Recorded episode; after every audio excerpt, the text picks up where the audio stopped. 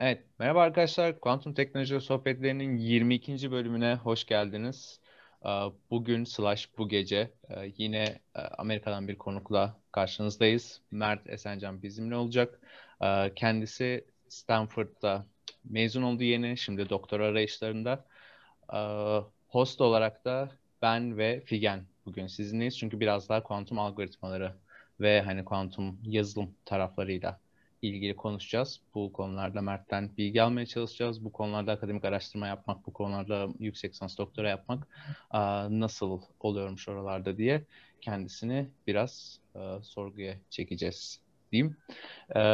Ben Zeki, ODTÜ Fizik'te araştırma görevlisiyim.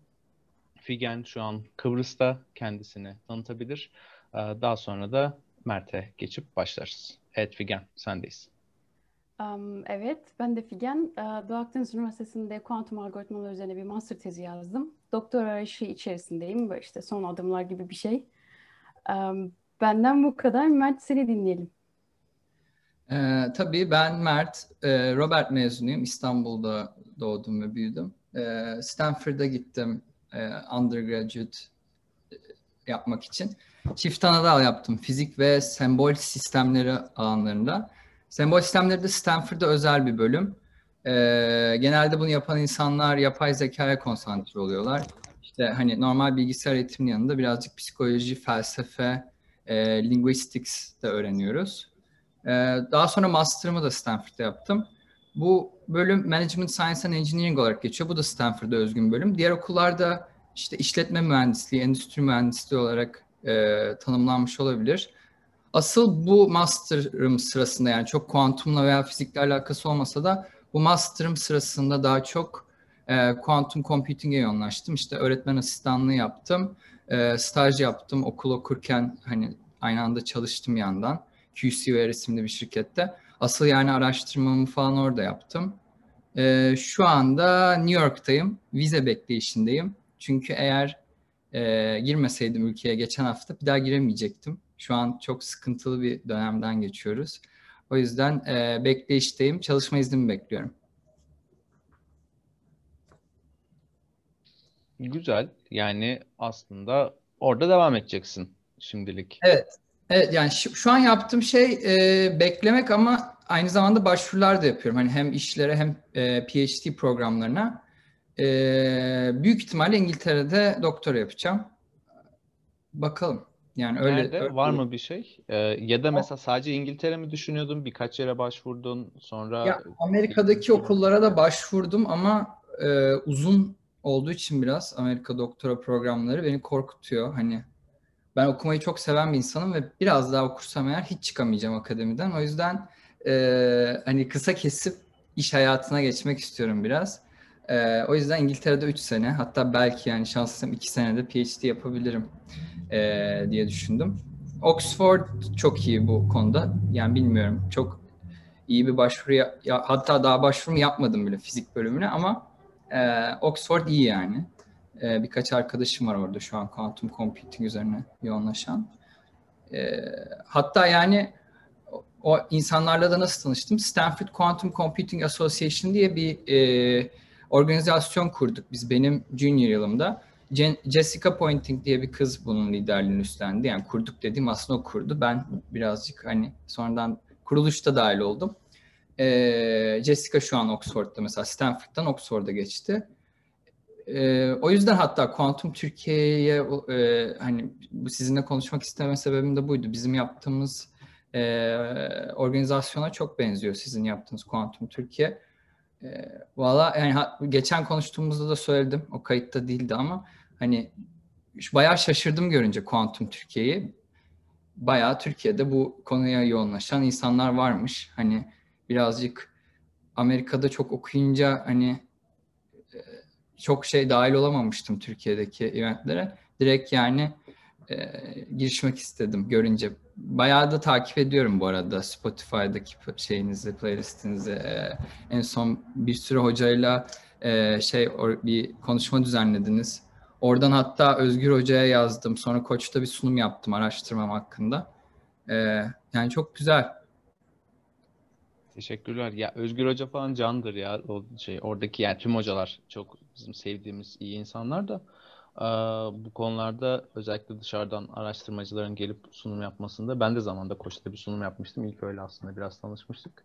Şey oluyor, iyi oluyor. Zaten onun ve şeylerinden bir tanesi mesela çalışma konum var. İyi hadi bir bize sun diye böyle hani oradan başlama çok mantıklı bir şey aslında. Sonuçta hem çok hızlı bir şekilde tanışıyorsun hem karşıdakinin iş Evet. yaptığını öğreniyorsun.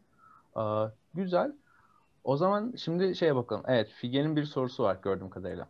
Evet. Şimdi ben şeyi sormak istiyorum. Başvuru süreci senin için nasıl ilerliyor? Şimdi benim de böyle bir sürecim var. Seninkini merak ediyorum. Nasıl yapıyorsun? Yani Oxford Üniversitesi'nin web sitesine girdim, fizik bölümüne girdim falan. Hocalarımı nasıl araştırıyorsun ya da ilk kime e-mail atıyorsun vesaire.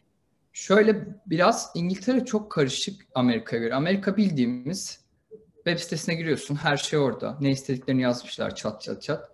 Baş, başvuruyorsun ve yani hiçbir hocaya falan yazman gerek yok. Hatta emin değilim bundan ama birkaç kişi bana dedi ki işte hocalar önceden yazarsan biraz garip oluyor falan dedi ki bundan emin değilim yani. E, Belki de çünkü bazı hocalar da direkt internet sitelerinde demişler ki bana önceden yazın. Yani bu Amerika Üniversite için. İngiltere için e, genelde hocalarla önceden konuşman gerekiyor. Onlar diyor ki sana ha tamam belki ben seni supervise ederim. Sen başvur, benim adımı gir diyor. E, öyle ilerliyor. Yine en sonunda komite bela- bel- belirliyor. Hani e, hoca belirlemiyor anladığım kadarıyla. Yani bu Oxford için öyle. Ama önceden e, biriyle iletişim halinde olman gerekiyor. Bu Oxford için böyle. UCL mesela direkt demiş ki hocalarla konuşmadan başvuru yapmayın. Imperial da demiş ki başvuru yapmadan hocalarla konuşmayın. Yani her okul için değişiyor. Birazcık karışık. Ee, yani zorlu bir süreç. Çok uzun sürüyor. Ben öyle çok da hani emin değildim PhD yapmak iste- istediğimden. Benim çalışma iznim bitti. Son final, finalimden sonra çalışamıyordum öğrenci vizemle. Böyle bir kural var Amerika'da saçma bir kural. Ee, o yüzden dedim ki madem boş zaman var bari PhD programlarına başvurayım. Sonra okudukça daha çok heyecanlandım. Yapayım ben bu işi yaparım falan filan. Ee, ama bitmedi ya. Yani Kasım sonundan beri başvuru yapıyorum. Bitmiyor yani. Her her okulun hocasının araştırmak bir gün sürüyor zaten orada. Quantum computing bir de yani çok e, zor bulunuyor. Fizik departmanında nedense böyle bir tabu mu artık yani kuantum bilgisayar demeye korkuyorlar mı fizik hocaları? Hep başka bir, şekilde söylüyorlar onu. Ee, onların işte araştırmalarını bulup da kendi araştırmamı bağlıyorum falan çok uzun sürdü yani bu dönem. Bu son işte başvurularımı bu hafta yapacağım, bitireceğim. Ya evet o, o süreç gerçekten çok sıkıntılı. Dediğin gibi yani bakıyorsun adamın e, profiline işte yazmıyor yani quantum computing veya chemistry ya da herhangi bir şey.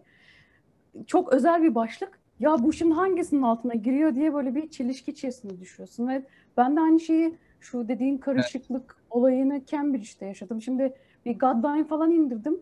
Bilmem ne college, bilmem ne college falan kendimi kaybettim. Ne oluyor dedim. Çok Hı. karışık. Dediğin gibi ülkeden ülkeye de değişiyor. Ülke içerisinde üniversiteden üniversiteye de değişiyor.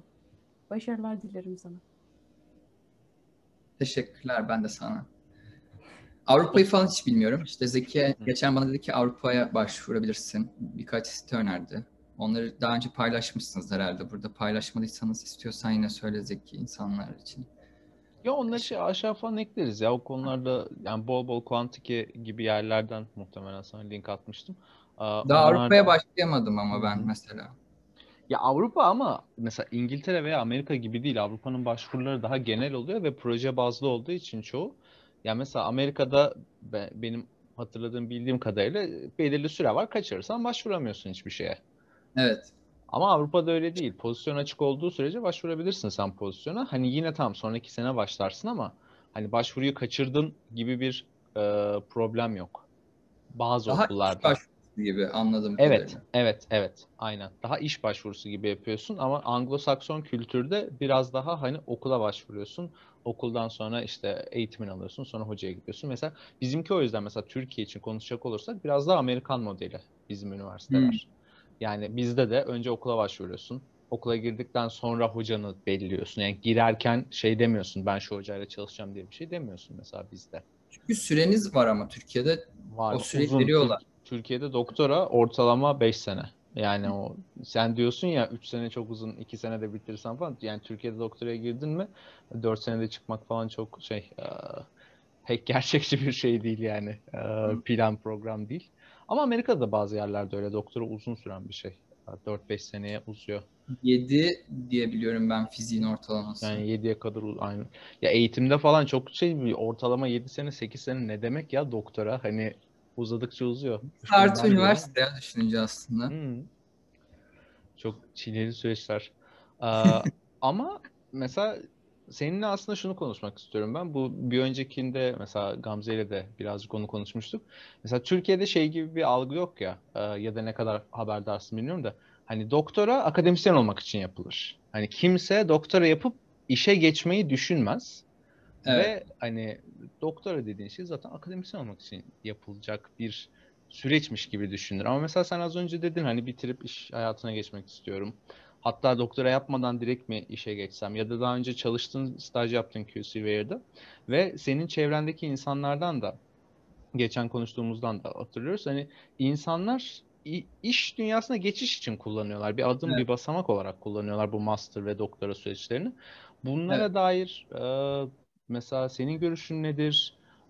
Bu yani sen birazcık daha iş dünyasına kaymaya meyillisin gördüğüm kadarıyla. Hatta akademiden uzak olmak istiyorsun.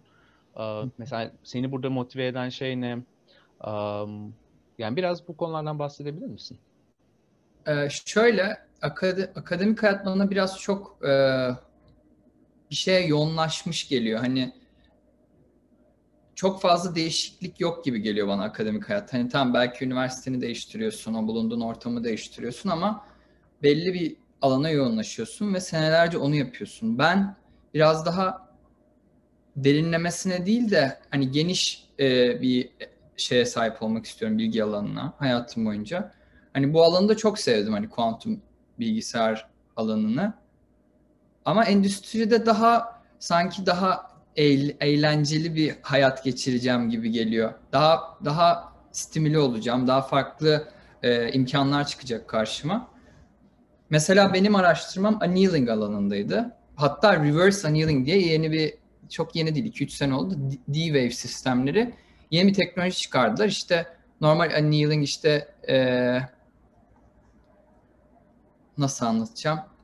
Adiabatic computing'in biraz daha e, quantum fluctuation'larıyla birleşmiş hali. Ama reverse olduğu zaman tamamıyla onun e, şeyini değiştirebiliyorsun planını. Yani belli bir e, başlangıç state'inden başlayıp e, ters yönde yani reverse ters yönde gidip aslında ulaşmak istediğin sonuçtan uzaklaşıp biraz daha şey yaratıp düzensizlik yaratıp sistemde ondan sonra tekrar yoğunlaşıyorsun normal forward annealing yapıyorsun ve nedense bu e,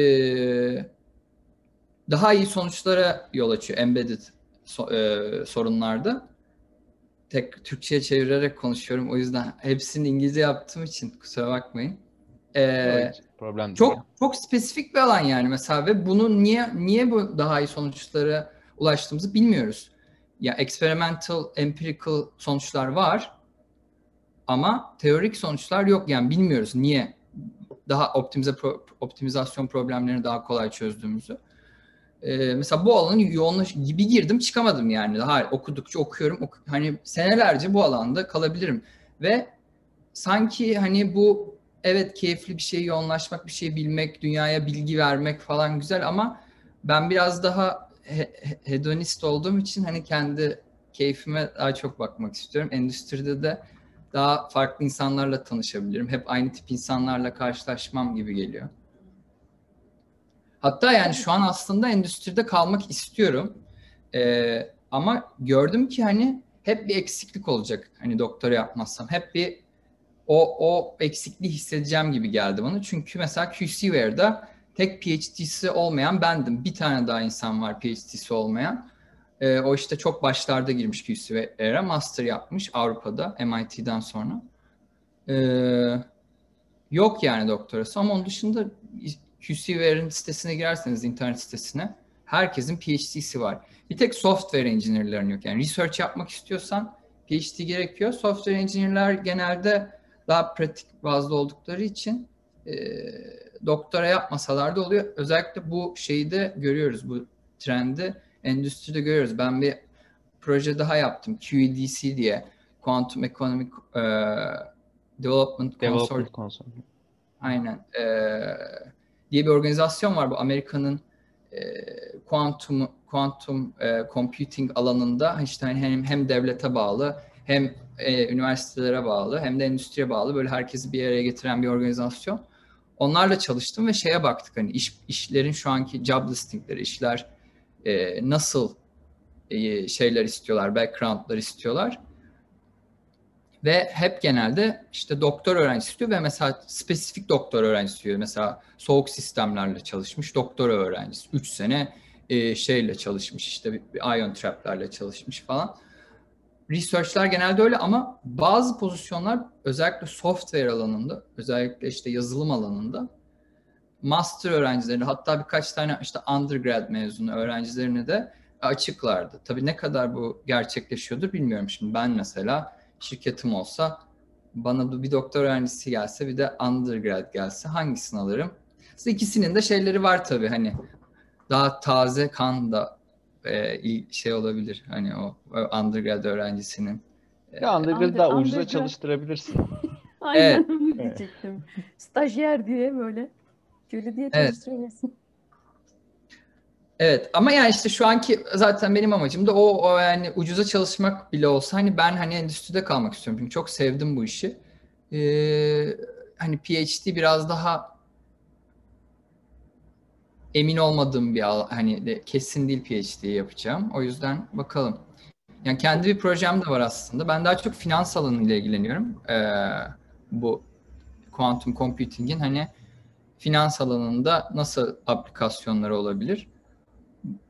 bir arka, Stanford'da başka bir arkadaşımla da şu an bir proje başlattık. İşte portfolyo optimizasyonu yapıyoruz. Tabii ki daha şu an kuantum algoritmalarını kullanabileceğimiz bir e, hardware yok. Yani çok basit olduğu için genelde hep şu insanlara şunu söylüyorum hani Game Boy Color'ı düşünün hani asıl amacı Game Boy Color'ın oyun oynamak. Bir de yani normal elinizdeki bilgisayarı düşünün işte PC, Mac falan. Onun amacı oyun oynatmak değil. Yani Game Boy'un asıl yani varoluş amacı oyun oynamak. Kuantum bilgisayarlarda şu an Game Boy kalır gibi yani. Hani o o basitlikteler amaçları ama şey yani mesela optimizasyon problemi problemi çözecek ama şu an mesela teknolojik farktan dolayı ben oyunumu e, kendi bilgisayarımda mı oynarım? Game Boy Adva- e, Color'da mı oynarım? Yani Game Boy Color'da oynamam, bilgisayarda oynarım. Onun gibi yani şu an e, gelişmesini bekliyoruz hardware'ın benim amacım da işte hani klasik bilgisayarlarda olabildiği kadar kuantum algoritmaları simülasyonla kullanıp yavaş yavaş o kuantum component takmak ve hani hardware geliştikçe hardware hızında e, klasik algoritmaları kuantuma geçirmek hani.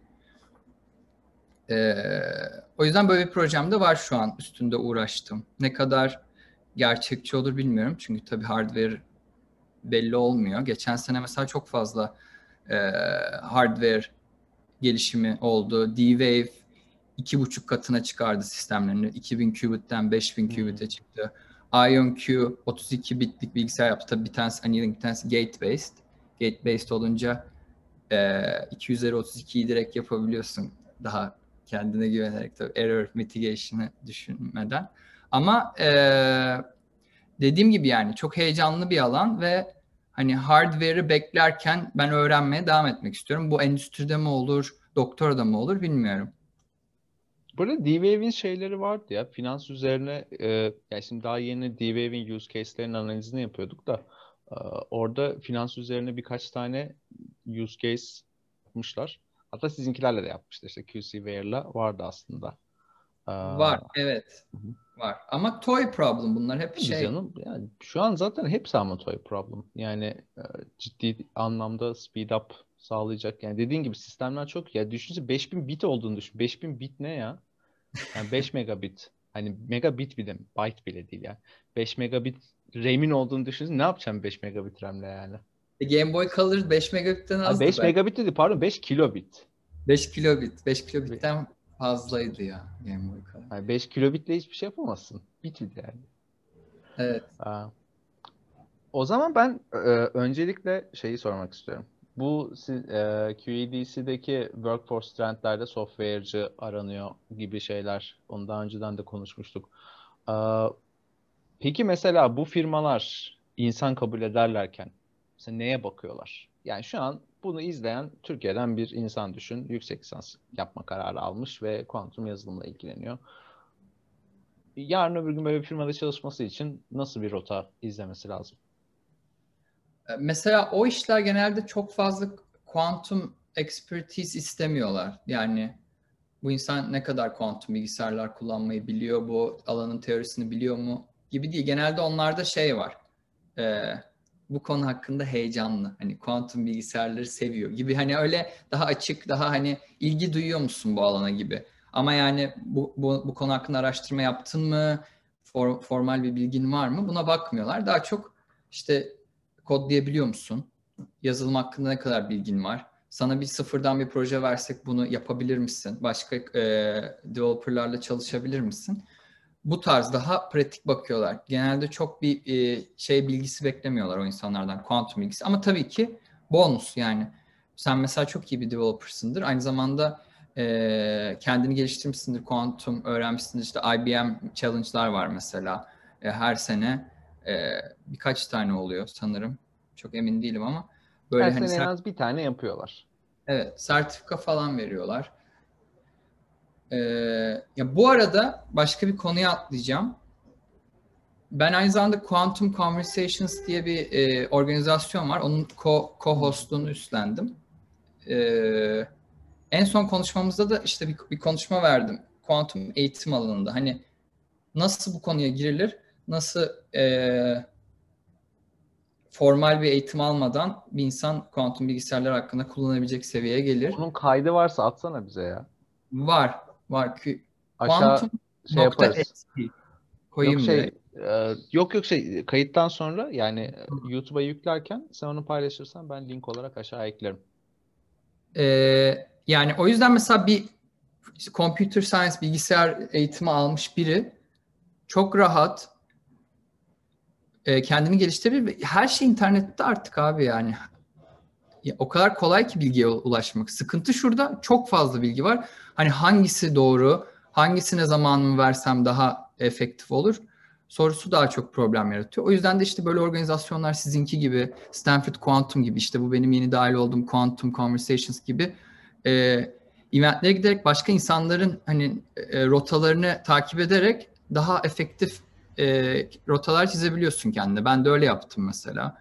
E, ama çok güzel bir doküman oluşturduk yeni işte böyle hani ha, neler okunur, hani nereden eğitim alınır ve e, onun da Google Doc'u var. O da Quantum SV sitesinin içinde onu da paylaşırım. Güzel şahane olur. Yani mesela çünkü Figen de şimdi burada şey yapabilir, e, girebilir. Daha yeni yeni dedim galiba bir ay falan oldu da workshop yani yaptık biz de Türkiye'de. Bu bizim Q Bronze'ları biliyorsundur. Yani ya da denk gelmişsindir siteden. Hani kuantum programlamaya giriş üzerine bir materyal takibi şeklinde. gerçekten insanlar şeyi merak ediyorlar. Hani çok fazla kurs var, çok fazla ders var, çok fazla yapılacak şey var. Yani hangisini yapmak lazım?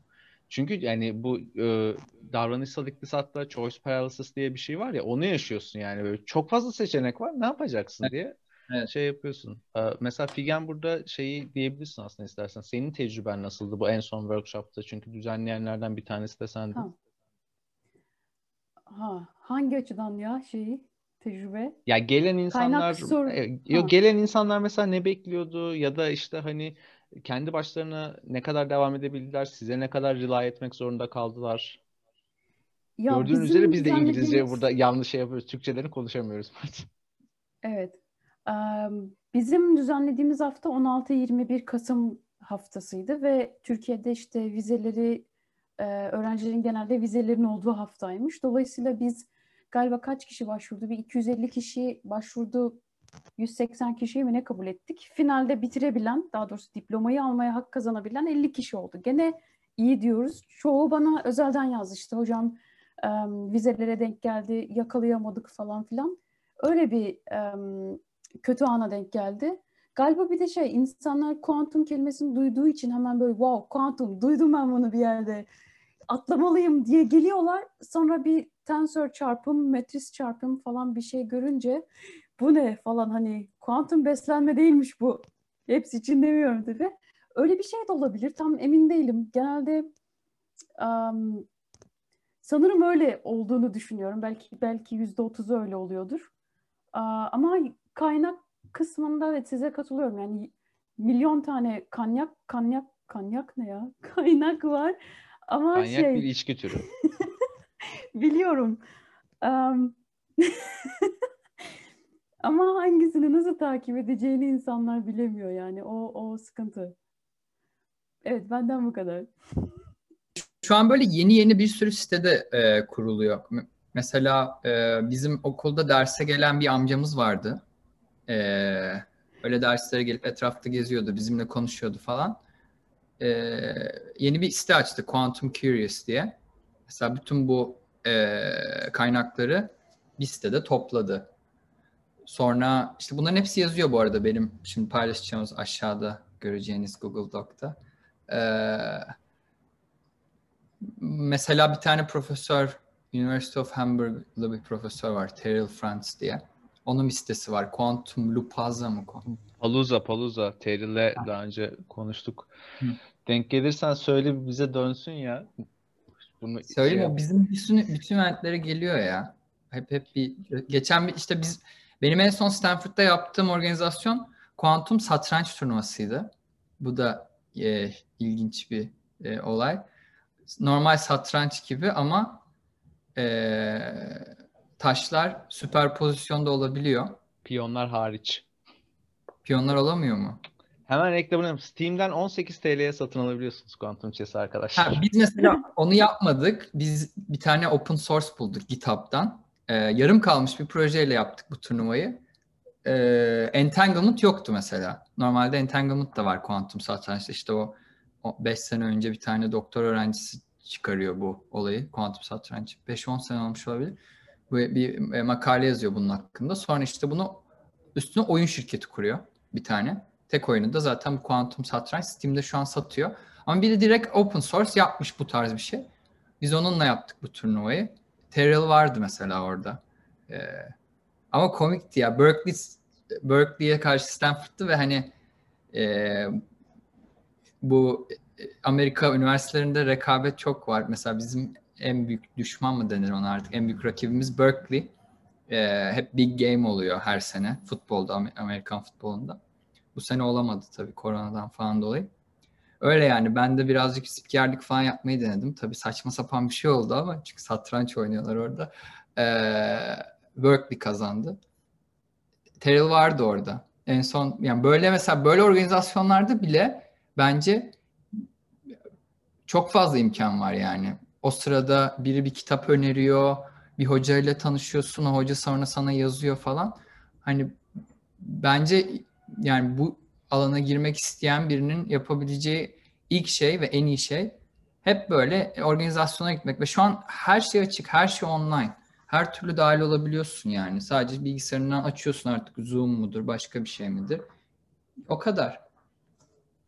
Aynen. Bu arada ben aşağı şeyleri de ekleyeceğim. Quantum Palooza bir de Terrell'in çok iyi bir meetup grubu var. Onu da ekleyeceğim. Oradan yani çok güzel etkinlikler yapıyorlar, takip edebilir.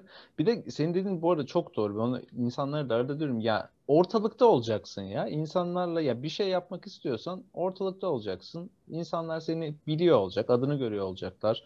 İşte bir yerlerde bir iki bir şey sunarsın, sunmazsın. Hani işte o şekilde yani biriyle tanışmak, bir yerlere gitmek, bir şeyler yapmak istiyorsanız önce bir sizi biliyor olması lazım insanların. Evet. Bir yerden bir böyle gözünü ısırıyor, ne bileyim evet, adını doğru. şey yapıyor, geliyor olması lazım. Biz bu arada çok yakında şey yaptık. Um, kuantum oyun hackathon'u yaptık. Oradan da mesela güzel güzel oyunlar çıktı. Bu kuantum oyun işi yani kuantum satranç bunların ilklerinden bir tanesiydi. Ee, bence güzel yerlere gidecek. Yani yani satranç işte Quantum Go işte ne bileyim bir şeyde geyik yapıyorduk biz geçen sene. Kuantum batak yapalım diye. Hani, yani işte. Olur ya böyle şeyler niye olmasın? Sonuçta evet, olur, o oyuna yeni bir mekanik ekliyorsun ve o mekaniğin işte yani illa bir kuantum bilgisayarda çalışmasına gerek yok. Kuantum fiziğinin temel bir fenomenini mimik ediyor olması yeterli. Hani oyunu çok komplike yapmadığın sürece. Ee, o bağlamda güzel. Kim kazandı kuantum satrancı? Berkeley kazandı işte ya. Tüh. Ben bayağı bir şey yapmaya çalıştım demoralize etmeye karşı tarafı ama olmadı. O, o da bu arada Berkeley'nin kuantum e, organizasyonunun başkanıydı zaten. İşini biliyordu biraz. Ya bu arada ben oynadım biraz zor bir oyun gerçekten şey değil yani. Ya normal satrançta iyi olman gerekiyor zaten. Bir de onun üstüne böyle hani kuantum bilgisi falan değil. Garip bir yeni bir oyun yani. Hani kuantum bilgi, süperpozisyon falan bilsen ne olacak? Hani o başka bir böyle bir sürü şey aynı anda düşünmen gerekiyor. İlginç. Yani burada hani şey takip edenler için ben aşağıya Quantum Chess'i de koyarım. Ya free access varsa onu da aslında senden alıp şey yapabilirim Aynen. ya. Open source e, şey account'u ya oraya onu da koyalım aşağıya. Bir de ya mesela, mesela open source bu. O yüzden hani mesela ben Stanford Quantum'a da söyledim bunu. İlgileniyorsanız mesela girip bu projeyi bitirebilirsiniz. Entanglement ekleyebilirsiniz. Çünkü yapan arkadaş 3 sene önce bırakmış. Demiş ki daha fazla yapamayacağım, zamanım yok tarzı bir şey yazmış ama yani aslında open source'un olayı bu yani her şeyi bir insan yapamaz. Birçok bir insanın e, devreye girmesi lazım. Kimse hani çok ilgilenmemiş ama bu bitse bence güzel oyun. Bayağı da çalışıyor. Direkt çok kolay. Link atıyorsun arkadaşına, direkt oynamaya başlıyorsun. Bizim de bu arada eventlerin hepsi e, stanfordquantum.com'da veya ismi değişti galiba. Stanford QC, qc.stanford.edu'da olmuş olabilir. Onun da linkini gireriz. Bunların hepsini izleyebilirsiniz yani videolar e, genelde kaydediliyor. Bir sürü de konuşma e, düzenliyoruz. En son işte Deniz Deniz Raffner ve Andrea Koenig geldi. O aslında benim en son yaptığım organizasyon oydu. Stanford ch- şey chess turnuvasından sonra onu yaptım. Satranç turnuvasından sonra. Bu Andrea Koenig de One Quantum diye bir organizasyon kurdu. Hmm. İşte böyle startupları falan bir araya getiriyor. Onların da kendi böyle bir e, talk show tarzı bir şeyleri şey, var. Ne Quantum World Detangled. Aynen. Ha, Aynen. Çok şey. Ya, ama çok çok gazlı bir arkadaşa benziyor kendisi ya. Sürekli bağırarak konuşuyor. Evet çok şeydi. Herkesi böyle sürekli videoyu açmaya falan zorladı. Enerjisi yüksek. İyi, iyi bir konu. Eğlenceli konuşmaydı. Deniz Raffner da Cambridge Quantum Computing'in e, business development'ın başıydı. Eskiden Ondan Honeywell'de, Honeywell'deydi o. Hmm. Honeywell'den INQ'ya geçti. INQ'dan da CQC'ye mi geçmiş? Yok. Oradan önce ben geçti. benim bildiğim önce IBM'deydi. 10 sene falan IBM'de çalıştı. IBM Q'nun startup programını falan başlattı. Ondan sonra Cambridge'e geçti. Ben Londra'da tanıştım kendisiyle. Ee, bu tam korona patlamadan önce bir Londra'ya gitme şansı bulmuştum. Onların ofisine falan gittim. Ee, elbow bump falan yaptık daha ta- o zamanlar yani. Ee, ondan sonra işte Stanford'da bir event ayarlayacaktık. Bayağı bir sene sonra falan oldu anca yani bu yeni e, geldi. Şu an yeni IonQ'ya geçti. Çünkü Amerikalı zaten. Hani Evet. eşini Bu falan göremiyordu. Yangının olduğu yer neresi? Col- Colorado'lu galiba. Öyle hatırlıyorum. Kaliforniya, Colorado'da ne yangın olacak? Ama ne bileyim işte isimler konusunda çok kötüyüm. Yani öyle bir yer. Biz de şeyden tanışıyoruz bu One Quantum'dan. Her her çarşamba zaten bir etkinlik yapıyorlar falan. Bir Hı de işte birebir konuşmalar oluyor. Ee, Evet dediğin gibi enerjik bir kadın, sevimli bir kadın. Yok ya Evet. enerjik olan And- yani tam Deniz de Ya de Andre, Andre biraz fazla enerjik Tabii, tabii.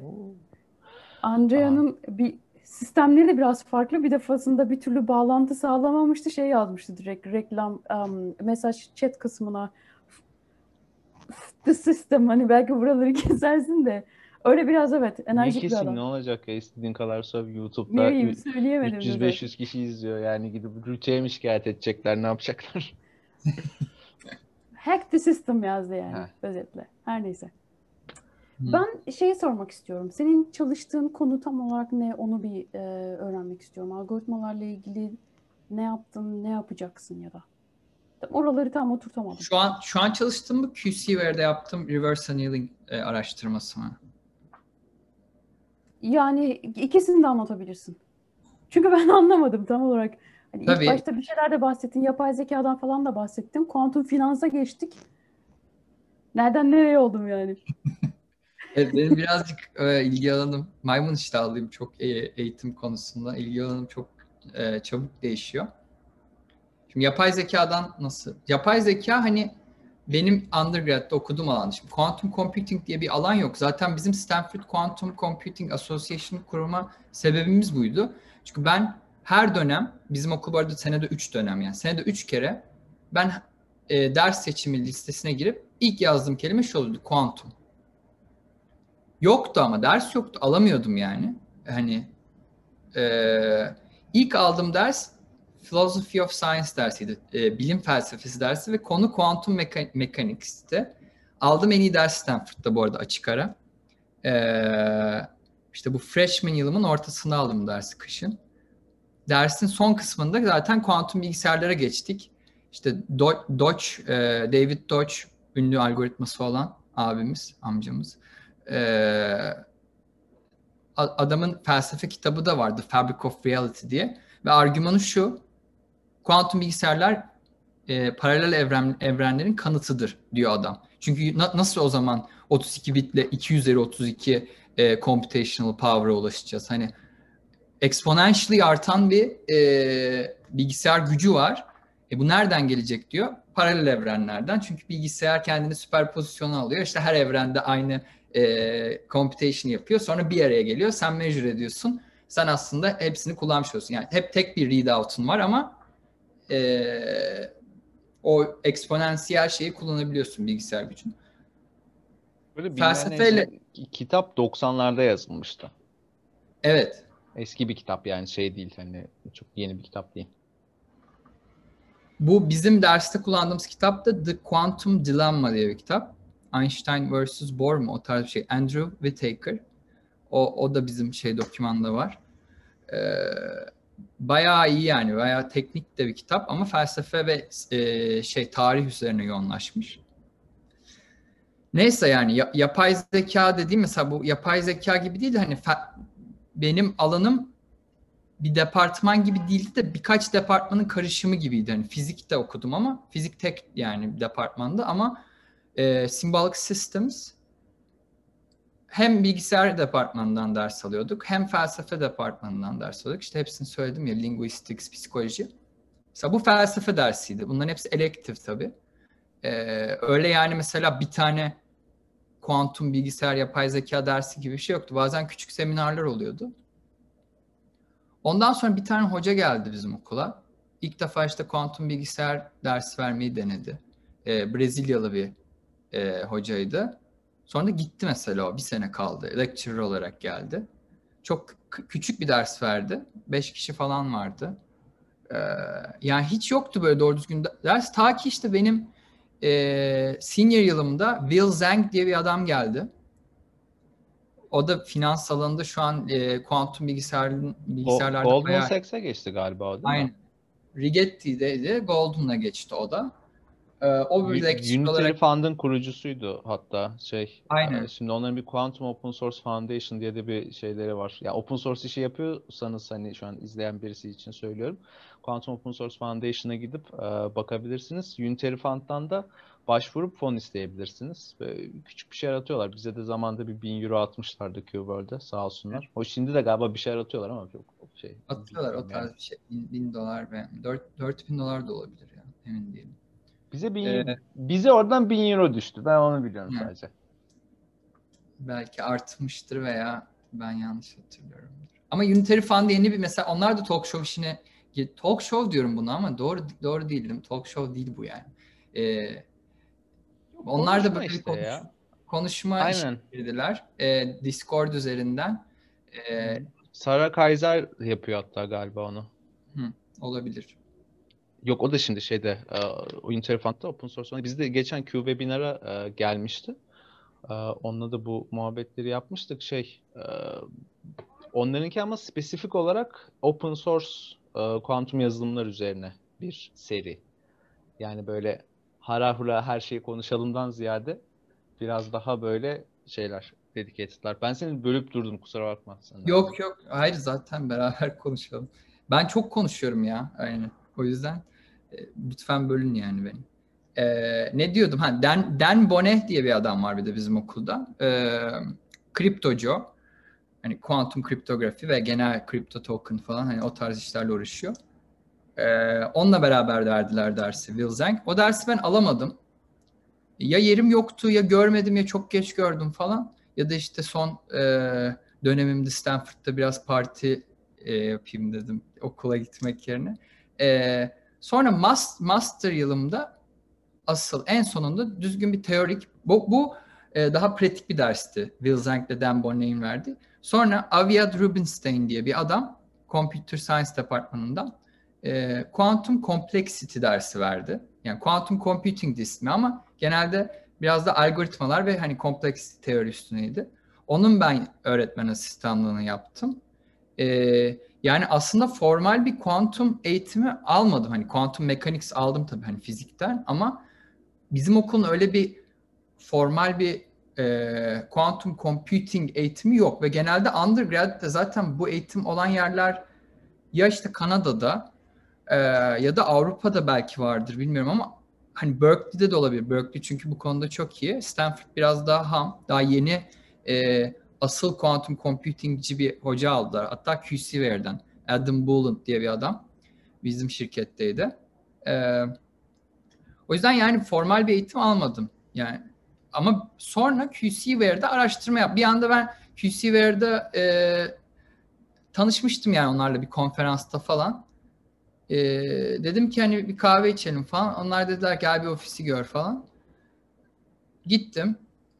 Interview dememişlerdi ama bir anda işte şey girdi. Head of Algorithms, hani algoritmanın başındaki adam girdi. Sonra CEO girdi falan. Ben öyle hani havadan sudan konuşuyordum işte. Şeyden bahsediyordum. Elsevier Weidman bombalarını biliyor musunuz? Hani interaction free measurement fotonlar süperpozisyon halinde olduğu için bombaları patlatmadan bombalar e, faulty mi değil mi anlayabiliyorsun falan. Onlardan böyle whiteboard'da bir şeyler çiziyordum. Tam kuantum optik Bak. konusu ya. Evet. Ya biraz daha felsefe, yine felsefe de aynı zamanda. Benim e, çünkü o gün tam o gün bir section e, şeyim vardı. Ders veriyordum o gün. Konu da Elsevier Weidman bombalarıydı. O yüzden tam onun üstüne şey olması, e, mülakat olması. Mülakatta da yani onu anlattım falan. E, sonra dediler ki gel burada staj yap. Dedim tamam. E, dediler ki sana QA, OA mi verelim, reverse annealing mi? Dedim hani QA, Q, QA, OA daha iyi olur. Gate based falan daha applicable olur dedim.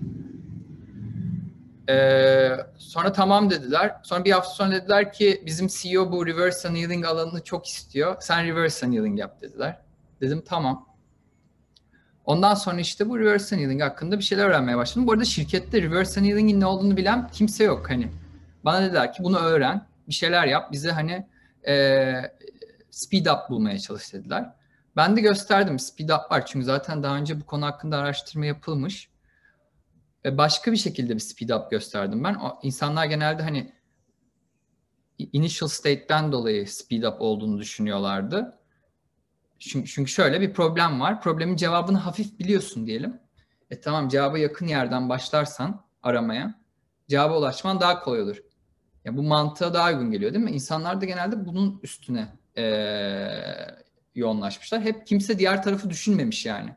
Biz uzaktan başlayalım değil. Ama bu reverse learning zaten tamamen hani bizim normal mantığımıza karşı bir şey. Çünkü daha karışık bir şekilde kullanarak hani daha sistemi karıştırarak problem sonucuna ulaşıyorsun. Ee, ben de şey gösterdim hani initial state random walk halinde e, kendi haline bırakılırsa yani yine bir, bir yerden başlatıyorsun ama 10.000 sample yaptığın için kendi kendine random walk yapıyor initial state ve seni sonuca daha hızlı ulaştırıyor. Nedense. İşte bu kuantum garipliği. Teorik olarak bunu açıklamaya çalış. Açıklayamıyorsun. Bunun zaten üstüne birazcık e, PhD girişimi bunun üstüne yapmak istiyorum. Hani niye random walk olunca e, daha iyi oluyor.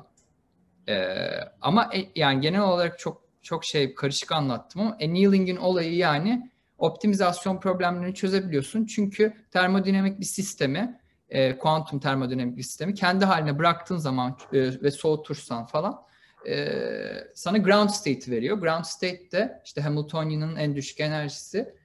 O da senin optimizasyon probleminin sonucu oluyor. Bunda magnetik bir alanla kontrol ediyorsun. Seni daha kolay bir problemden başlatıp çözmek istediğin probleme manyetik alanı değiştirerek e, getiriyorsun o sistemi. Bu normal annealing. Reverse annealing olduğu zaman da işte daha ortalardan bir yerlerden başlıyorsun ve sistemi karıştırıyorsun. Sonra tekrar forward anneal yaparak yoğunlaşıyorsun e, sonucuna. Benim alanım buydu. Ya ama dediğim gibi yani girdikçe hani çıkamıyorsun çünkü yani teorik açıklamalar yok. Mantığa karşı zaten bütün kuantum böyle ama hani empirical sonuç alıyorsun ama neden alıyorsun? Niye böyle bu? Hani açıklama şansı çok şey yapmıyor. E, Zeki geçen çok güzel bir şey söyledi. Kuantum e, e, weirdness yani kuantum garipliğine alışıyorsun dedi yani. Anlamaya çalışmayı bırakıyorsun bir süre sonra alışıyorsun dedi. Sana normal gelmeye başlıyor dedi ve e, biraz öyle ama yani anlamaya çalışmaya da devam etmemiz lazım yani. Niye bunlar oluyor?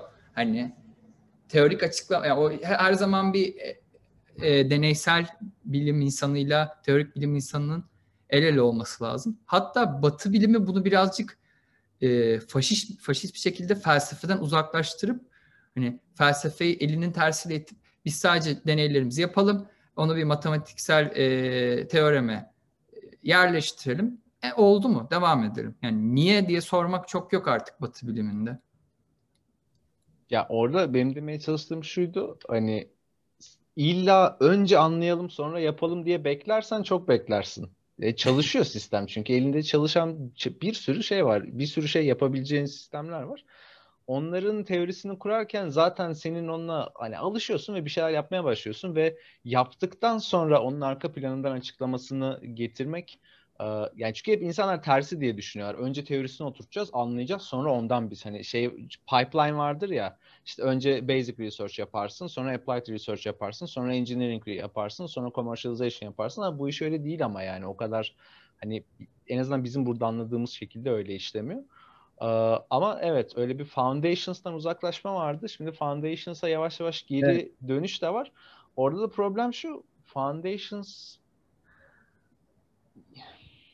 KPI'leri tutmuyor ya. Bence en büyük problem bu. Yani teorik makale yazma KPI'larıyla deneysel makale yazma KPI'leri yani deneysel makale yazıp çok daha çabuk yayınlatabiliyorsun.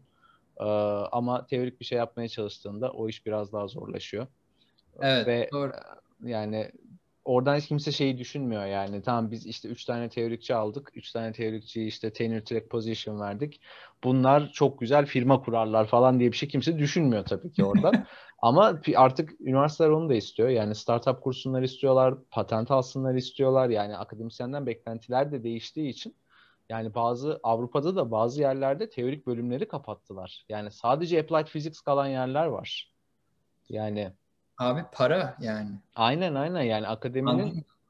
yani şey çok ciddi bir probleme dönüşmeye başladı o. Başka alanlarda onu çok tartışıyoruz da hani yani bilim toplumun ne işine yarayacak kısmını şeyden çıkartıp işte böyle bilgi üretme veya işte birazcık daha işte böyle bilgimizin sınırlarını genişletmekten çıkartıp işte telefon yapsın, işte bilgisayar hızlandırsın, ne bileyim işte sağlıkta işe yarasın. Böyle şeylere dönüştürmeye başladılar. O da biraz problemli yerlere gidebilir. Şu an aslında en büyük e, funding devletten geliyor. Military'den geliyor. United, United States Army'den geliyor. Bizim Tabii, mesela özellikle. CEO'su eski asker adam. Hani o yüzden bir sürü kişi tanıyordu. Büyük ihtimalle çok fazla grant falan alabildi devletten. Genelde ama şu an yani asıl funding hani e, şeyden geliyor savunma sanayiden. Özellikle bu işte kriptografi, kendimizi nasıl koruyabiliriz olası ataklara karşı Hı. falan. Tabii özellikle bir de Çin korkusundan zaten. Ya Amerika'da şöyle bir şey var. Bu um, Dowling'in yeni kitabına bakma şansın oldu mu Schrödinger's Web? Yok. Orada mesela şeyi anlatıyor. Çok güzel bir hikaye. Burada Figen şu an sıkıyor olabiliriz. Kusura bakma ama. Hemen bunu da şey yapıp devam edeceğim. Bu 2010'larda 2009-2010 gibi abi IARPA yani DARPA değil de işte onun e, IARPA olanı tüm QC fundingini kesiyorlar bir anda tamam mı? Bayağı bildiğin koca koca gruplar dağılıyor. Ve hani herhangi bir şey de yok. Açıklama da yok niye kestiklerini de. biz bunu kesiyoruz. Çok gerekli görmedik falan filan diye böyle. Ve işte ben şimdi şey çalışmalarını yaptığım için biliyorum. Bir bibliometrik analiz bir de patent analiz çalışmaları yapıyorum. 2010'larda bakıyorsun Amerika'daki artış durmuş tamamen. Aynı sayıda makale çıkıyor. Hatta patent sayısı hafif azalmaya başlamış falan filan. Tam o dönemde Çin bu işe giriyor ve böyle exponential growth var Çin'de. Evet. Makale sayısında da patent sayısında evet. da firma sayısında da şey ciddi bir artış başlıyor. Amerikalılar böyle bir 3-4 sene sonra şeye uyanıyorlar. Bir, bir saniye içinde bir şeyler oluyor deyip sonra tekrar geri dönmeye başlıyorlar ama asıl hani 2016, 2000, 2015, 2016 var ya firmalar kurtarıyor orada işi. Yani IBM, Google o senelerde bu işi böyle üstlenmeseler ciddi anlamda Amerika şu an çok garip yerlerde olabilirdi. Yani bu işleri Çin'den görüyor olabilirdik gerçekten. Ama mesela NSA çok yakın dönemde şeyi açıkladı. Yani QKD çok saçma bir şey. Biz niye QKD'ye para ayıralım ki gibi bir açıklama yaptı. Yani şeyi dediler. Zaten siber güvenlikteki threat vek işte vektörlerin yani tehdit gelen yer oradan değildi zaten. Hani insan problemi var, işte yazılım problemi var, hardware yani bir sürü problem var. QKD'nin çözdüğü problem aslında siber güvenlikte çok da bir işimize yaramayacak gibi bir açıklama yaptılar. Ve hani hmm. mesela post kuantum kriptografik algoritmalara biz yatırım yapmalıyız. Hani kuantum bilgisayara karşı kendimizi savunacaksak olay kuantum kriptografiden gelmeyecek, post kuantum kriptografiden gelecek gibi açıklamaları var.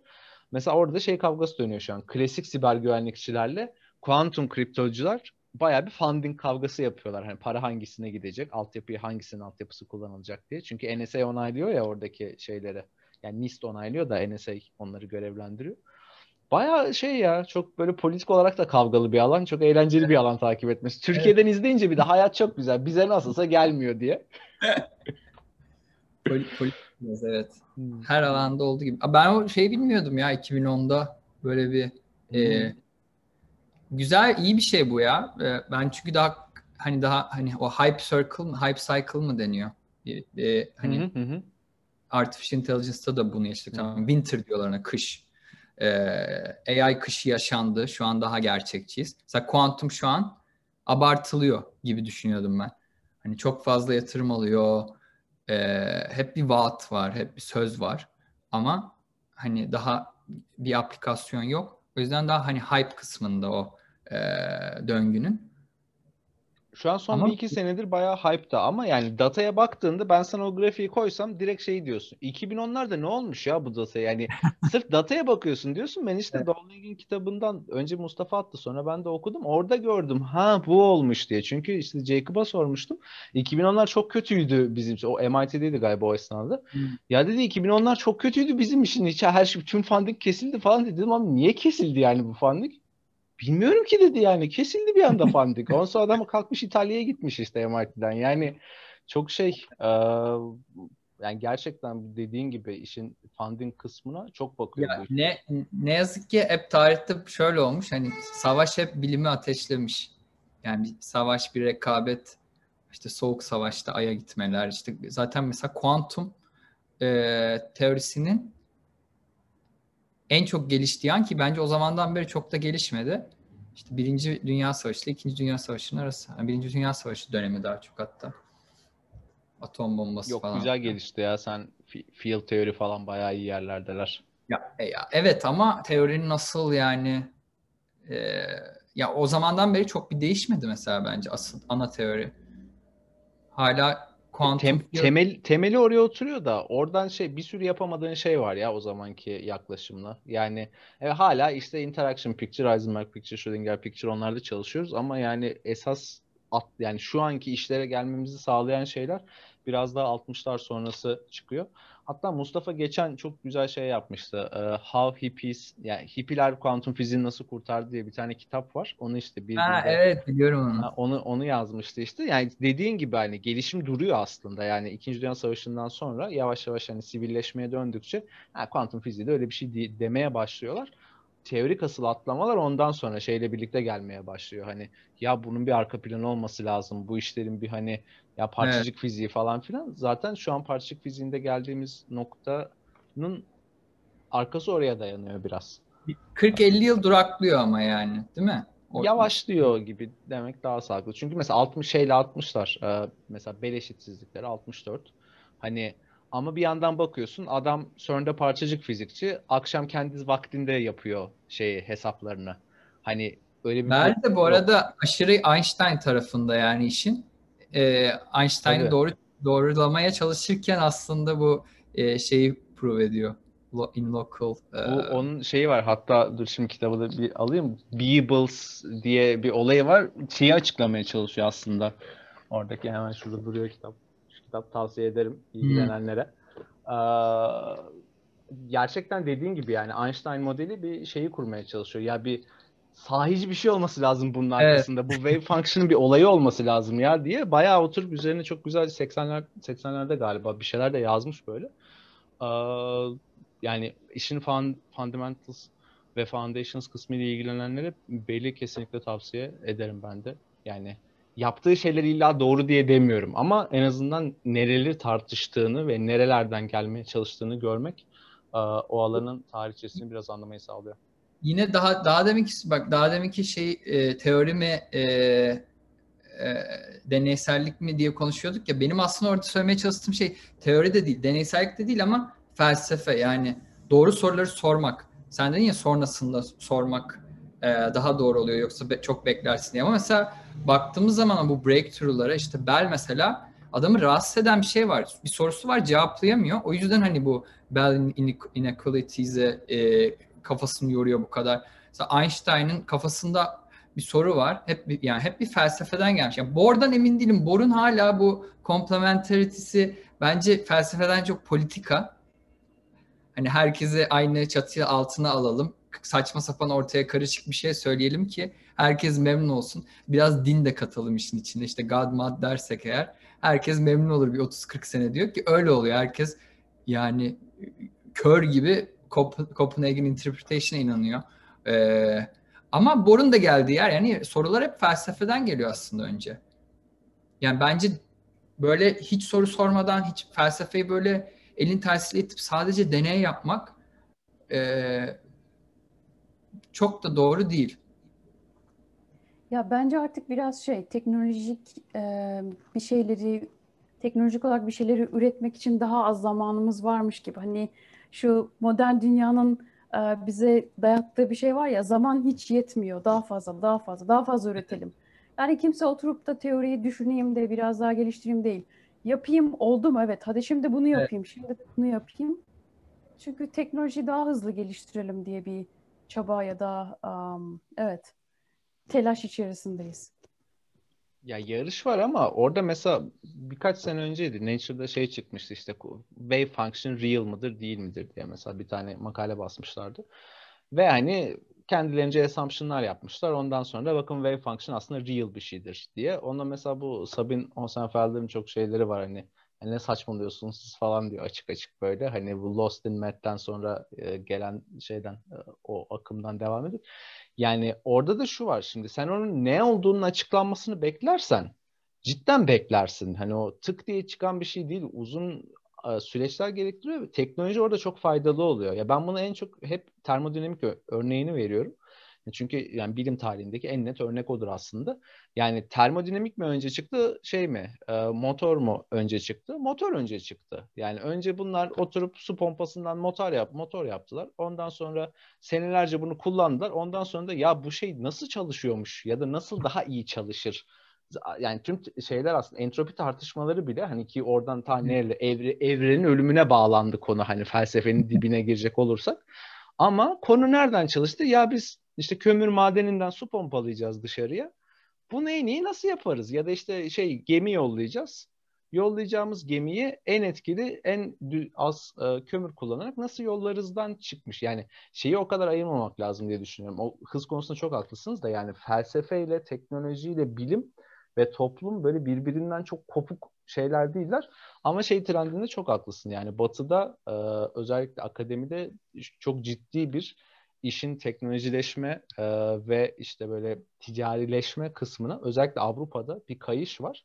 Onun da sebebi ama e, Avrupa'da akademi çok güçlü ama ticarileşme çok kötü. Patent almıyorlar. Firma kuramıyorlar. Şey Amerika'ya yani dışarıya bir şey satma konusunda çok kötüler. Yani mesela yani dışarıda iş yapanlar az buçuk şey biliyorlardır. Böyle top of the line mesela bilimsel bir e, cihaz alacağın zaman İşte Almanya'dan alırsın, Danimarka'dan alırsın, Finlandiya'dan alırsın. Ama mesela seri üretim bir şey alacağın zaman oradan almazsın. Niye? Çünkü ucuza yapmayı beceremiyor bunlar. Gider hmm. Çin'den alırsın, Amerika'dan alırsın. Yani o konularda kötüler. Onun da zararını çekiyorlar e, iktisadi olarak. Onu kapatmak için böyle bir belki overcompensation yapıyor olabilirler e, bu bağlamda. Ama evet yani en kökü orada çıkmış olduğu için felsefe konusunda biraz Avrupa'nın bunu yapıyor olması üzücü yani hani. Evet. Amerika'dan zaten beklemiyorsun. Amerikalılar çok pragmatist insanlar. Hani tüm tarihleri pragmatizm üzerine kurulu olduğu için hani onlar felsefeyle ilgilenince böyle bir bonus işte bunlar da güzel güzel yapıyor falan diye düşünüyorsun da hani Avrupa'da bırakınca kim yapacak bu işleri diye bir şey kendi içimizde üzülebiliyoruz. O konularda size hak veriyorum. Kesinlikle katılıyorum bu arada söylediğin her şey. O hani hepsinin bir arada olması birbirinden çok ayrı değiller ve genelde evet önce pratik e, gelişmelerden sonra sorular gelmiş. E, motivasyonla alakalı ya. İnsanlar hayal dünyasında yaşamıyorlar yani genelde. Averaj insan, gerçekçi, gerçek sonuç istiyor. Atıyorum işte bu savaşı kazanmak olsun, para olsun, e, şey olsun, e, reputasyon, akademik düşünürsek, makalem e, yayınlansın, e, tenür yapayım falan. Şey diye düşünmüyorlar yani birkaç tane deli var yani tarihte. Onlar sadece böyle kendilerini kaybetmişler e, alanlarında ama genel averaja baktığımızda insanlar daha gerçekçi şeylerle motive oldukları için önce motor yapmışlar tabii. Sonra entropi işte kurallarını çıkarıp ka- kaos teori falan filan. Yani sonra bunlara kafa yormuşlar. O yüzden o Ama, delillerde iyi ki var diyoruz. Evet deliller iyi ki var ya. Deliller olmazsa olmazmış yani. Deli, deli, deli lazım her zaman. O zaman bir şey soracağım. Sen şimdi İngiltere'ye gideceksin. Ne çalışmayı düşünüyorsun? Reverse annelikten devam mı? Yani bir, biraz daha hani nefse göre şerbet ama e, yani giriş olarak şimdi şöyle annealing çok çalışılmamış. Hiçbir e, çok bulamadım annealing yapan e, araştırmacı. Anneling'i biraz daha şey bakıyorlar. Bundan bir şey çıkmaz gözüyle bakıyorlar. Ama daha yeni Vazirani, e, Ümeş Vazirani e, bu algoritmik babalardan. E, Sub-exponential şey yaptı, proof, proof yaptı adiabatic computing için.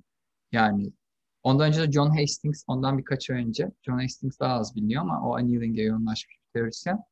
O da mesela super polynomial proof'u yaptı. No sign problem da tabii bunlar yani spesifik bir problem. Yine çok toy problem değil ama yani belli spesifik problem. Tüm annealing'e e, uyar mı bilmiyorum ama yani gelişmeler oluyor.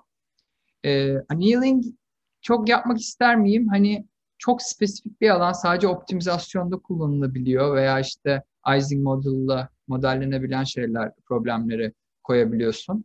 Ayrıca mesela sen 5000 biti e, daha demin küçümsedin ama 5000 bit bile değil yani aslında. Çünkü hardware o e, annealing grafleri belli bir e, grafik ve sen ona aslında 50 bitlik 60 bitlik problem koyabiliyorsun. Yoksa zaten şu an 5000 qubitlik bir bilgisayar olsa uçmuştuk yani. Ee, aslında yani o bilgisayarlar gerçekte 50-60 qubit olabiliyor. Pegasus işte çıktı 120 e, qubit'e kadar ben şey yapabildim onda problem e, şey yapabildim, run edebildim. E, 5000 qubit bir de 2.5 daha fazla e, şey var, edge var grafikte. O yüzden e, yani daha bilmiyorum yani o hocalarla konuşup tabii İngiltere'de biraz daha spesifik olmam lazım. Amerika'da gitsem bir sene e, hocalarla konuşayım, başka öğrencilerle konuşayım, alanıma iyice karar vereyim falan filan. Ama e, bakalım. O annealing'le başlayabilirim veya optimizasyon problemleriyle başlarım. Gate-based başlasam bile hani e, QAO'da da bayağı gelişme kaydedildi. O alanda başlayabilirim. Bakalım. Optimizasyon bayağı hoşuma gidiyor. O finansal e, alanı a, bilmiyorum yani ge- böyle gerçek sonuçlar elde etmek güzel olur. Yani insanları ikna etmek güzel olur yani. Böyle bir şey var. Dünyayı değiştirecek. Hani tabii ki çok hype, çok abartıyor falan ama hakikaten yani düşünce müthiş bir olay. Yani düşünsene doğanın en e, ham halinde sen bir e, computation yapıyorsun sonuçta. Zaten işte Feynman'ın asıl olayı da yani biz bir şeyleri simüle, simüle ediyorsak neden yani e, kuantum yapmak zorundayız diyor yani neden approximate bir şey kullanalım ki diyor. Şu an yaptığımız klasik bilgisayarlarda yani böyle çok şey aslında düşününce e, yuvarlanmış yani. Bir abaküs gibi bir şeyle çalışıyorsun Evet. aslında şu an. Evet, aynen öyle. O yüzden yani böyle finans dünyasını ikna edersek eğer en azından bu savaşa mavaşa gerek kalmadan devletin Aa, Çin bizi istila edecek diye korkmasına gerek kalmadan hani para akışıyla beraber bence araştırma çok bir daha fazla artıp hani şey hızlandırılabilir e, gelişmeler. Ben bir de şey soracaktım. Şimdi bazı şirketler seni PhD öğrencisi olarak alıyor ama aslında aynı zamanda şirkette çalışmış oluyorsun. Hani PhD öğrencisisin ama şirkette çalışıyorsun. Böyle bir şeyi yani ben o kanala girmedim tabii de sen böyle bir şeyi düşündün mü ya da düşünür müydün? Mesela şu an ikisi arasındasın ya. Hı hı. Ya da bazı doktora programları şirketlerle direkt çalışıyorlar. Öyle bir şey de düşünebilirsin. Bak şeyi diyeceğim bu arada orada mesela İngiltere için e, Quantum Innovation Lab diye bir şeyleri var onların. Event serileri vardı. Her sene bir tane yapıyorlardı bu UK NQT'nin altında. Ya bu ulusal kuantum teknolojileri programlarının altında. Şey yapıyor. Firmaları getiriyor. e, araştırmacıları getiriyor. Sen de doktor öğrencisi veya doktor adayı olarak gidiyorsun. Siz bir problem üstüne çalışıyorsunuz. Firma bunu beğenirse senin doktorunu fonluyor. Hmm. Ve e, o esnada da sen firma yani firma çalışanı gibi değil de bir yandan firmayla affiliated oluyorsun. İşte senin bulduğun şeylerin e, patentlenmesi firma üzerinden oluyor. Yani onun şeyi fikri mülkiyeti firmaya kalıyor. Çünkü normalde okula kalıyor ya okul yerine firmaya kalıyor. E, ve bu mesela Bristol'da falan özellikle bu Center for Quantum Technologies bu PhD yetiştirme spesifik olarak kuantum teknolojilerinde PhD yetiştirmek üzerine bunların programları var birkaç tane. Mesela onlar firmalarla çok işli dışlılar. Ee, Aslında Figen'in sorduğunu İngiltere üzerine indirecek olursak e, belki böylesi bir şey olabilir. Yani böyle bir şey düşündün mü ya da bunlar mesela senin geldiğin ekolden nasıl görülüyor? Hani ya da sadece okulda takılayım sonra firmaya geçerim gibi mi düşünüyorsun? Şöyle mesela e, Stanford'da bir tane e, PhD öğrencisi benimle staj yapıyordu. Ama yaz stajı yapıyordu. Tekrar okul başlayınca bıraktı işi. Anladığım kadarıyla hani olay yapı yani imkanlı olması değil çünkü imkan hep var. Çok araştır araştırmacı çok aranan bir şey hele şu an bu endüstride. Ama zaman yok galiba anladığım kadarıyla. Doktora yaparken yani o kadar zamanın olmuyor. Ee, yani yemek yiyip uyuyacak zamanı zor bulup çalışma çalışmaya bilmiyorum yani öyle ben öyle duydum yani çok çok yoğun çalışıyor insanlar Ee, hele Amerika'da diğer Amerika'yı gördüğüm için öyle dedim yani İngil- İngiltere'yi bilmiyorum Avrupa'yı bilmiyorum ama Oralarda Amerika'da- oralarda da yoğun ama Amerika'ya biraz köle gibi çalıştırıyorlar şeyi var. köle diyecektim ben de Ee, o yüzden bilmiyorum ama ben tabii ki hani yandan başka bir şeylerle uğraşmak isterim. Dediğim gibi hani maymun iştahlı olduğum için birçok şey aynı anda yapmayı seviyorum. Ee, hep bence hep bir imkan var. Yani Zeki'nin söylediği gibi insanlarla konuşma, konuşarak hani e, kendini organizasyonlarda e, tanışarak insanlarla falan işte yani e, hep bir hep bir imkan çıkıyor ortaya. Çok yani düz bir yol değil, daha karışık. Çünkü daha çok ham bir endüstri. Ama bence yani aşırı keyifli ve çok fazla imkan var. İlgi duyan herkes için. İlgi duymasanız bile yani ilgi, ilgi duyuyor olmalısınız. Müthiş bir alan. O yüzden yani tabii ki ben biraz daha şeyim ama eee, ben yani kesinlikle şöyle bir inancım var. Dünyadaki herkesin birazcık kuantum mechanics bilmesi gerektiğine inanıyorum. Biz de hani böyle insanları tor- tartaklıyoruz falan diyormuşum. Yok öyle yapmıyoruz da. Çünkü değiştiriyor bakış açını yani. Daha her Kesinlikle. şey olabilir gibi bakıyorsun. Ya da yani o kadar da önemli değilmiş zaten yani gerçeklik o kadar saçma ki niye bu kadar takıyorum gerçekliği diye düşünüyorsun. Yani Onu şey ben tabii şeyde düşünürüm. Astronomiyle ilgilendiğin zaman öyleymiş gibi aslında daha çok oluyor bence. Ama kuantumda da e, dediğin gibi hiç olmayacak şeyler bile oluyorsa yani evet Evet. neden olmasın falan oluyorsun. Yani.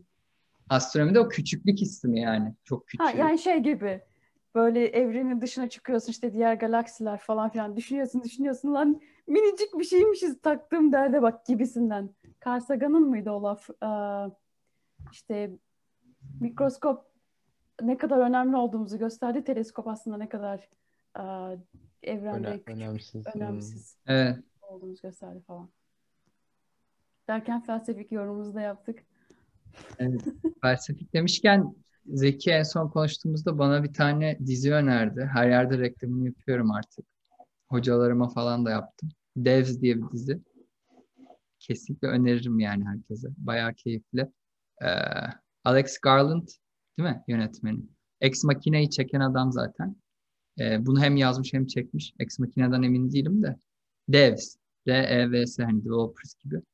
Bayağı iyi dizi. Bu işte bu felsefe e, felsefi tartışmalar da dönüyor. Yine bir ama Zeki'nin dediği şeye uyuyor yani. Önce yapmışlar motoru, sonra entropi sormuşlar yani aynı şekilde. Çok spoiler vermek istemiyorum ama e, hem teknolojik hem felsefi güzel bir dizi 8 bölümlük. Ben de sanki hissem varmış gibi bayağı reklam yaptım ama yani Alex Garland'la falan çalışmıyor. Ba- bayağı güzel ya gerçekten. Ben de oturup bir gecede izlemiştim. Yani şey açısından bile güzel. Kuantum fiziği bilince arkadaki tartışmayı da takip edebiliyorsun ya. Çok Evet. güzel kurmuş. Yani şimdi dizilerde şey vardı çünkü yani dramatik e, çatışma olması lazım. Hani yani bir dizi ya da bir hikayeye, kurguyu çatışma götürür. Aa, çatışma çok iyi. Yani gerçekliğin yapısı üzerine bir çatışma var arka planda dönen ve onun dönüp dolaşıp tamamen adamın işte suçluluk duygusuna bağlanıyor olması, öbür taraftaki işte bir ticari bir şeyler olması, işte espiyonaj var bilmem ne falan filan çok şey. Yani daha güzel yapılabilir miydi? Kesinlikle yapılabilirmiş. Ama hani kendi içinde bence yeteri kadar güzeldi. Kes, kesinlikle kuantum fiziğiyle ilgilenen herkese e, tavsiye ederiz. Ama yani kuantum bilgisayar diye düşünüp izlemeyin. Daha çok kuantum fiziği diye düşünüp izlemek lazım. Ama yani ben o diziyi izledim ve şeyi gerçekten o tartışmayı oradan yani Bohmian Mechanics'in e, değeri diyeceğim artık burada. Yani insanlar neden onun peşinde? Bu ne neden o önemli de hani ne fark getiriyor? Yani Bohmian Mechanics gerçekse yani evren asıl öyle çalışıyorsa bizim şu anki yaptığımız kuantum mekaniğinden nesi farklı? Ee, onu mesela ciddi ciddi ben orada düşünüp demiştim. Ee, çünkü sana çok farklı şeyler yapabilme imkanı sunuyor. Çünkü yani şey tartışmalarında vardı bu felsefi tartışmalar mesela işte kuantum fiziğinin yorumları çok felsefik diye düşünülür. Sebebi de hani hangi yorumu istersen iste ya da hangi yoruma inanıyorsan inan, hangi yorumu kabul ediyorsan et. Yaptığın fizik tamamen aynı. Hiçbir şey değişmiyor. Hesap aynı, çıktılar aynı, her şey aynı. Ama aslında değil. Onu gösteriyor orada dizi. Yani eğer an, alt plandaki sistem deterministikse yani non-lokal bile olsa deterministik bir sistem varsa sana verdiği simülasyon imkanıyla alt plandaki sistem tamamen rastgele ise sana vermediği imkan çok farklı imkanlar. Evet. Bohmian Çok Mechanics daha iyi hissettiriyor herhalde ya. İşte Ya. Hugh, Hugh Everett e, paralel evren teorisini ortaya atan e, kuantum fizisist. Emin değilim bu hikayeden sonradan uydurulmuş olabilir. Ama şöyle bir şey var galiba. Kızı intihar ediyor adamın. Adam da işte bunu hiç takmıyor sonra falan. Başka bir evrende yaşıyordur diyor yani. Ama Çünkü- sen ne yaptın yani şimdi? Dizide değil dizi gerçekte ya. Ha pardon. Aa yok bu gerçek. tamam pardon. Dizide yok bu. Ama gerçekte de, de emin değilim yani. Bu sonradan uydurulmuş olabilir. Ama galiba böyle bir şey var. Many Worlds'ı kuran adam Hugh Everett.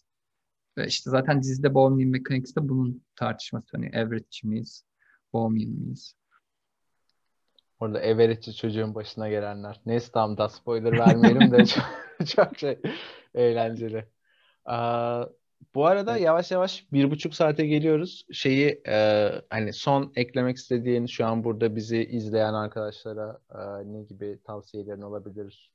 Yani özellikle yurt dışında doktora yapma, yüksek lisans yapma veya e, endüstriye geçme alanında e, şimdiye kadar konuştuklarımızın üstüne ya da derlemek açısından neler önerebiliriz? Ee, yani dediğim gibi çok keyifli bir alan. Ben hani ilk işte duyduğumdan beri ne kadar fazla imkan varsa hepsini, hepsini hani öğrenmeyi denedim. Ee, şu an ama mesela çok daha iyi bir zaman bence 5 sene öncesine göre.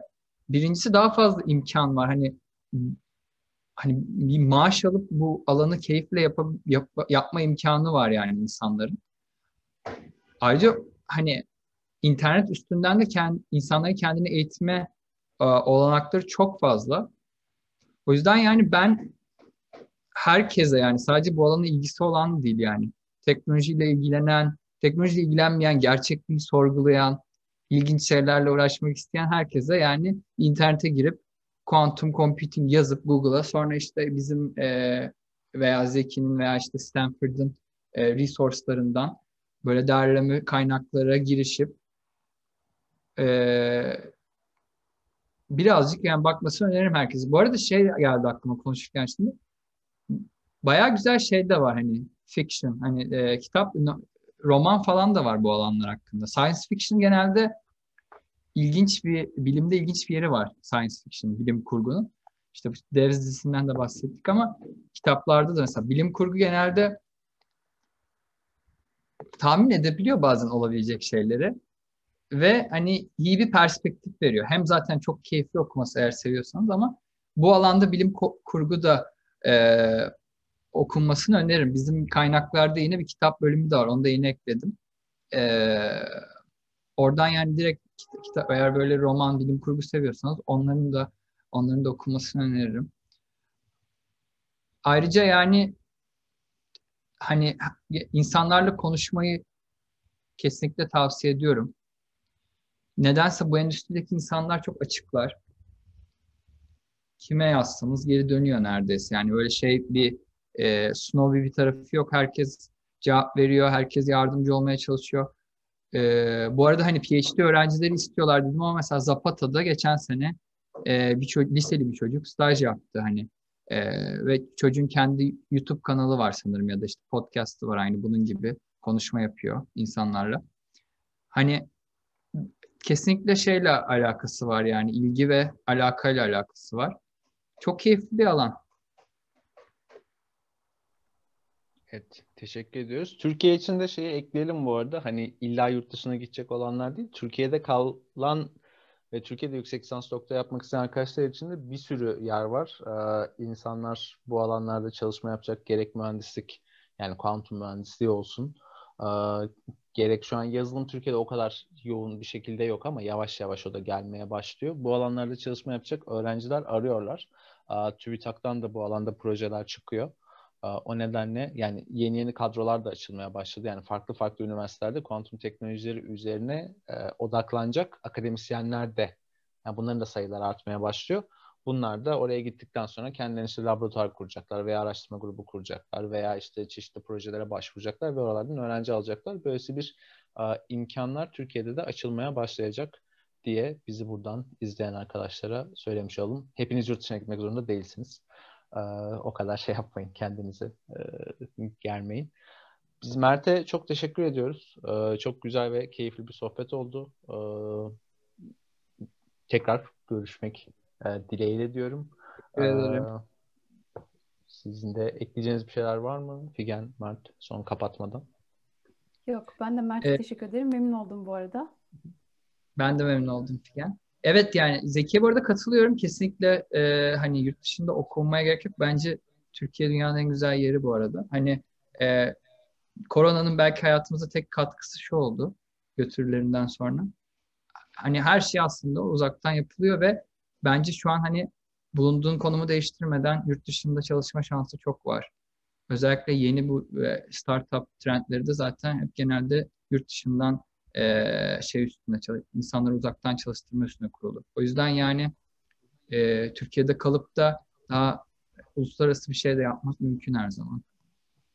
Ya evet aynen ben de orada şunu söyleyecektim. Ama dediğin gibi hem online bir sürü ders var. Online artık bütün workshoplar yani buradan A ülkesine gitmene bile gerek yok. Hı. Koronanın belki bir avantajı ya da güzelliği oldu.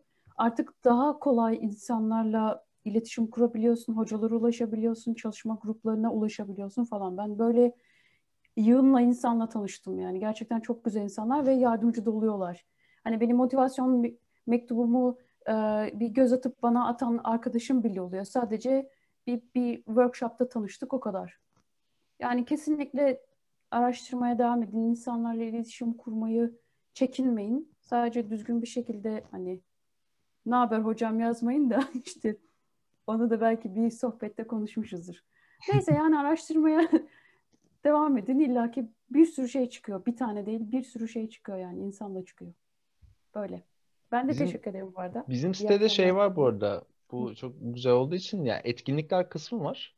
quantumturkiye.org'da. Oradan girip etkinliklere de bakabilir dinleyen arkadaşlar şu an. Yani en azından elimizden geldiğince onu güncelliyoruz. Ya da zaten Terry linkini de koyacağız. Quantum Palooza'da yani tüm events, tüm böyle tüm dünya düzenlenen tüm etkinlikler var.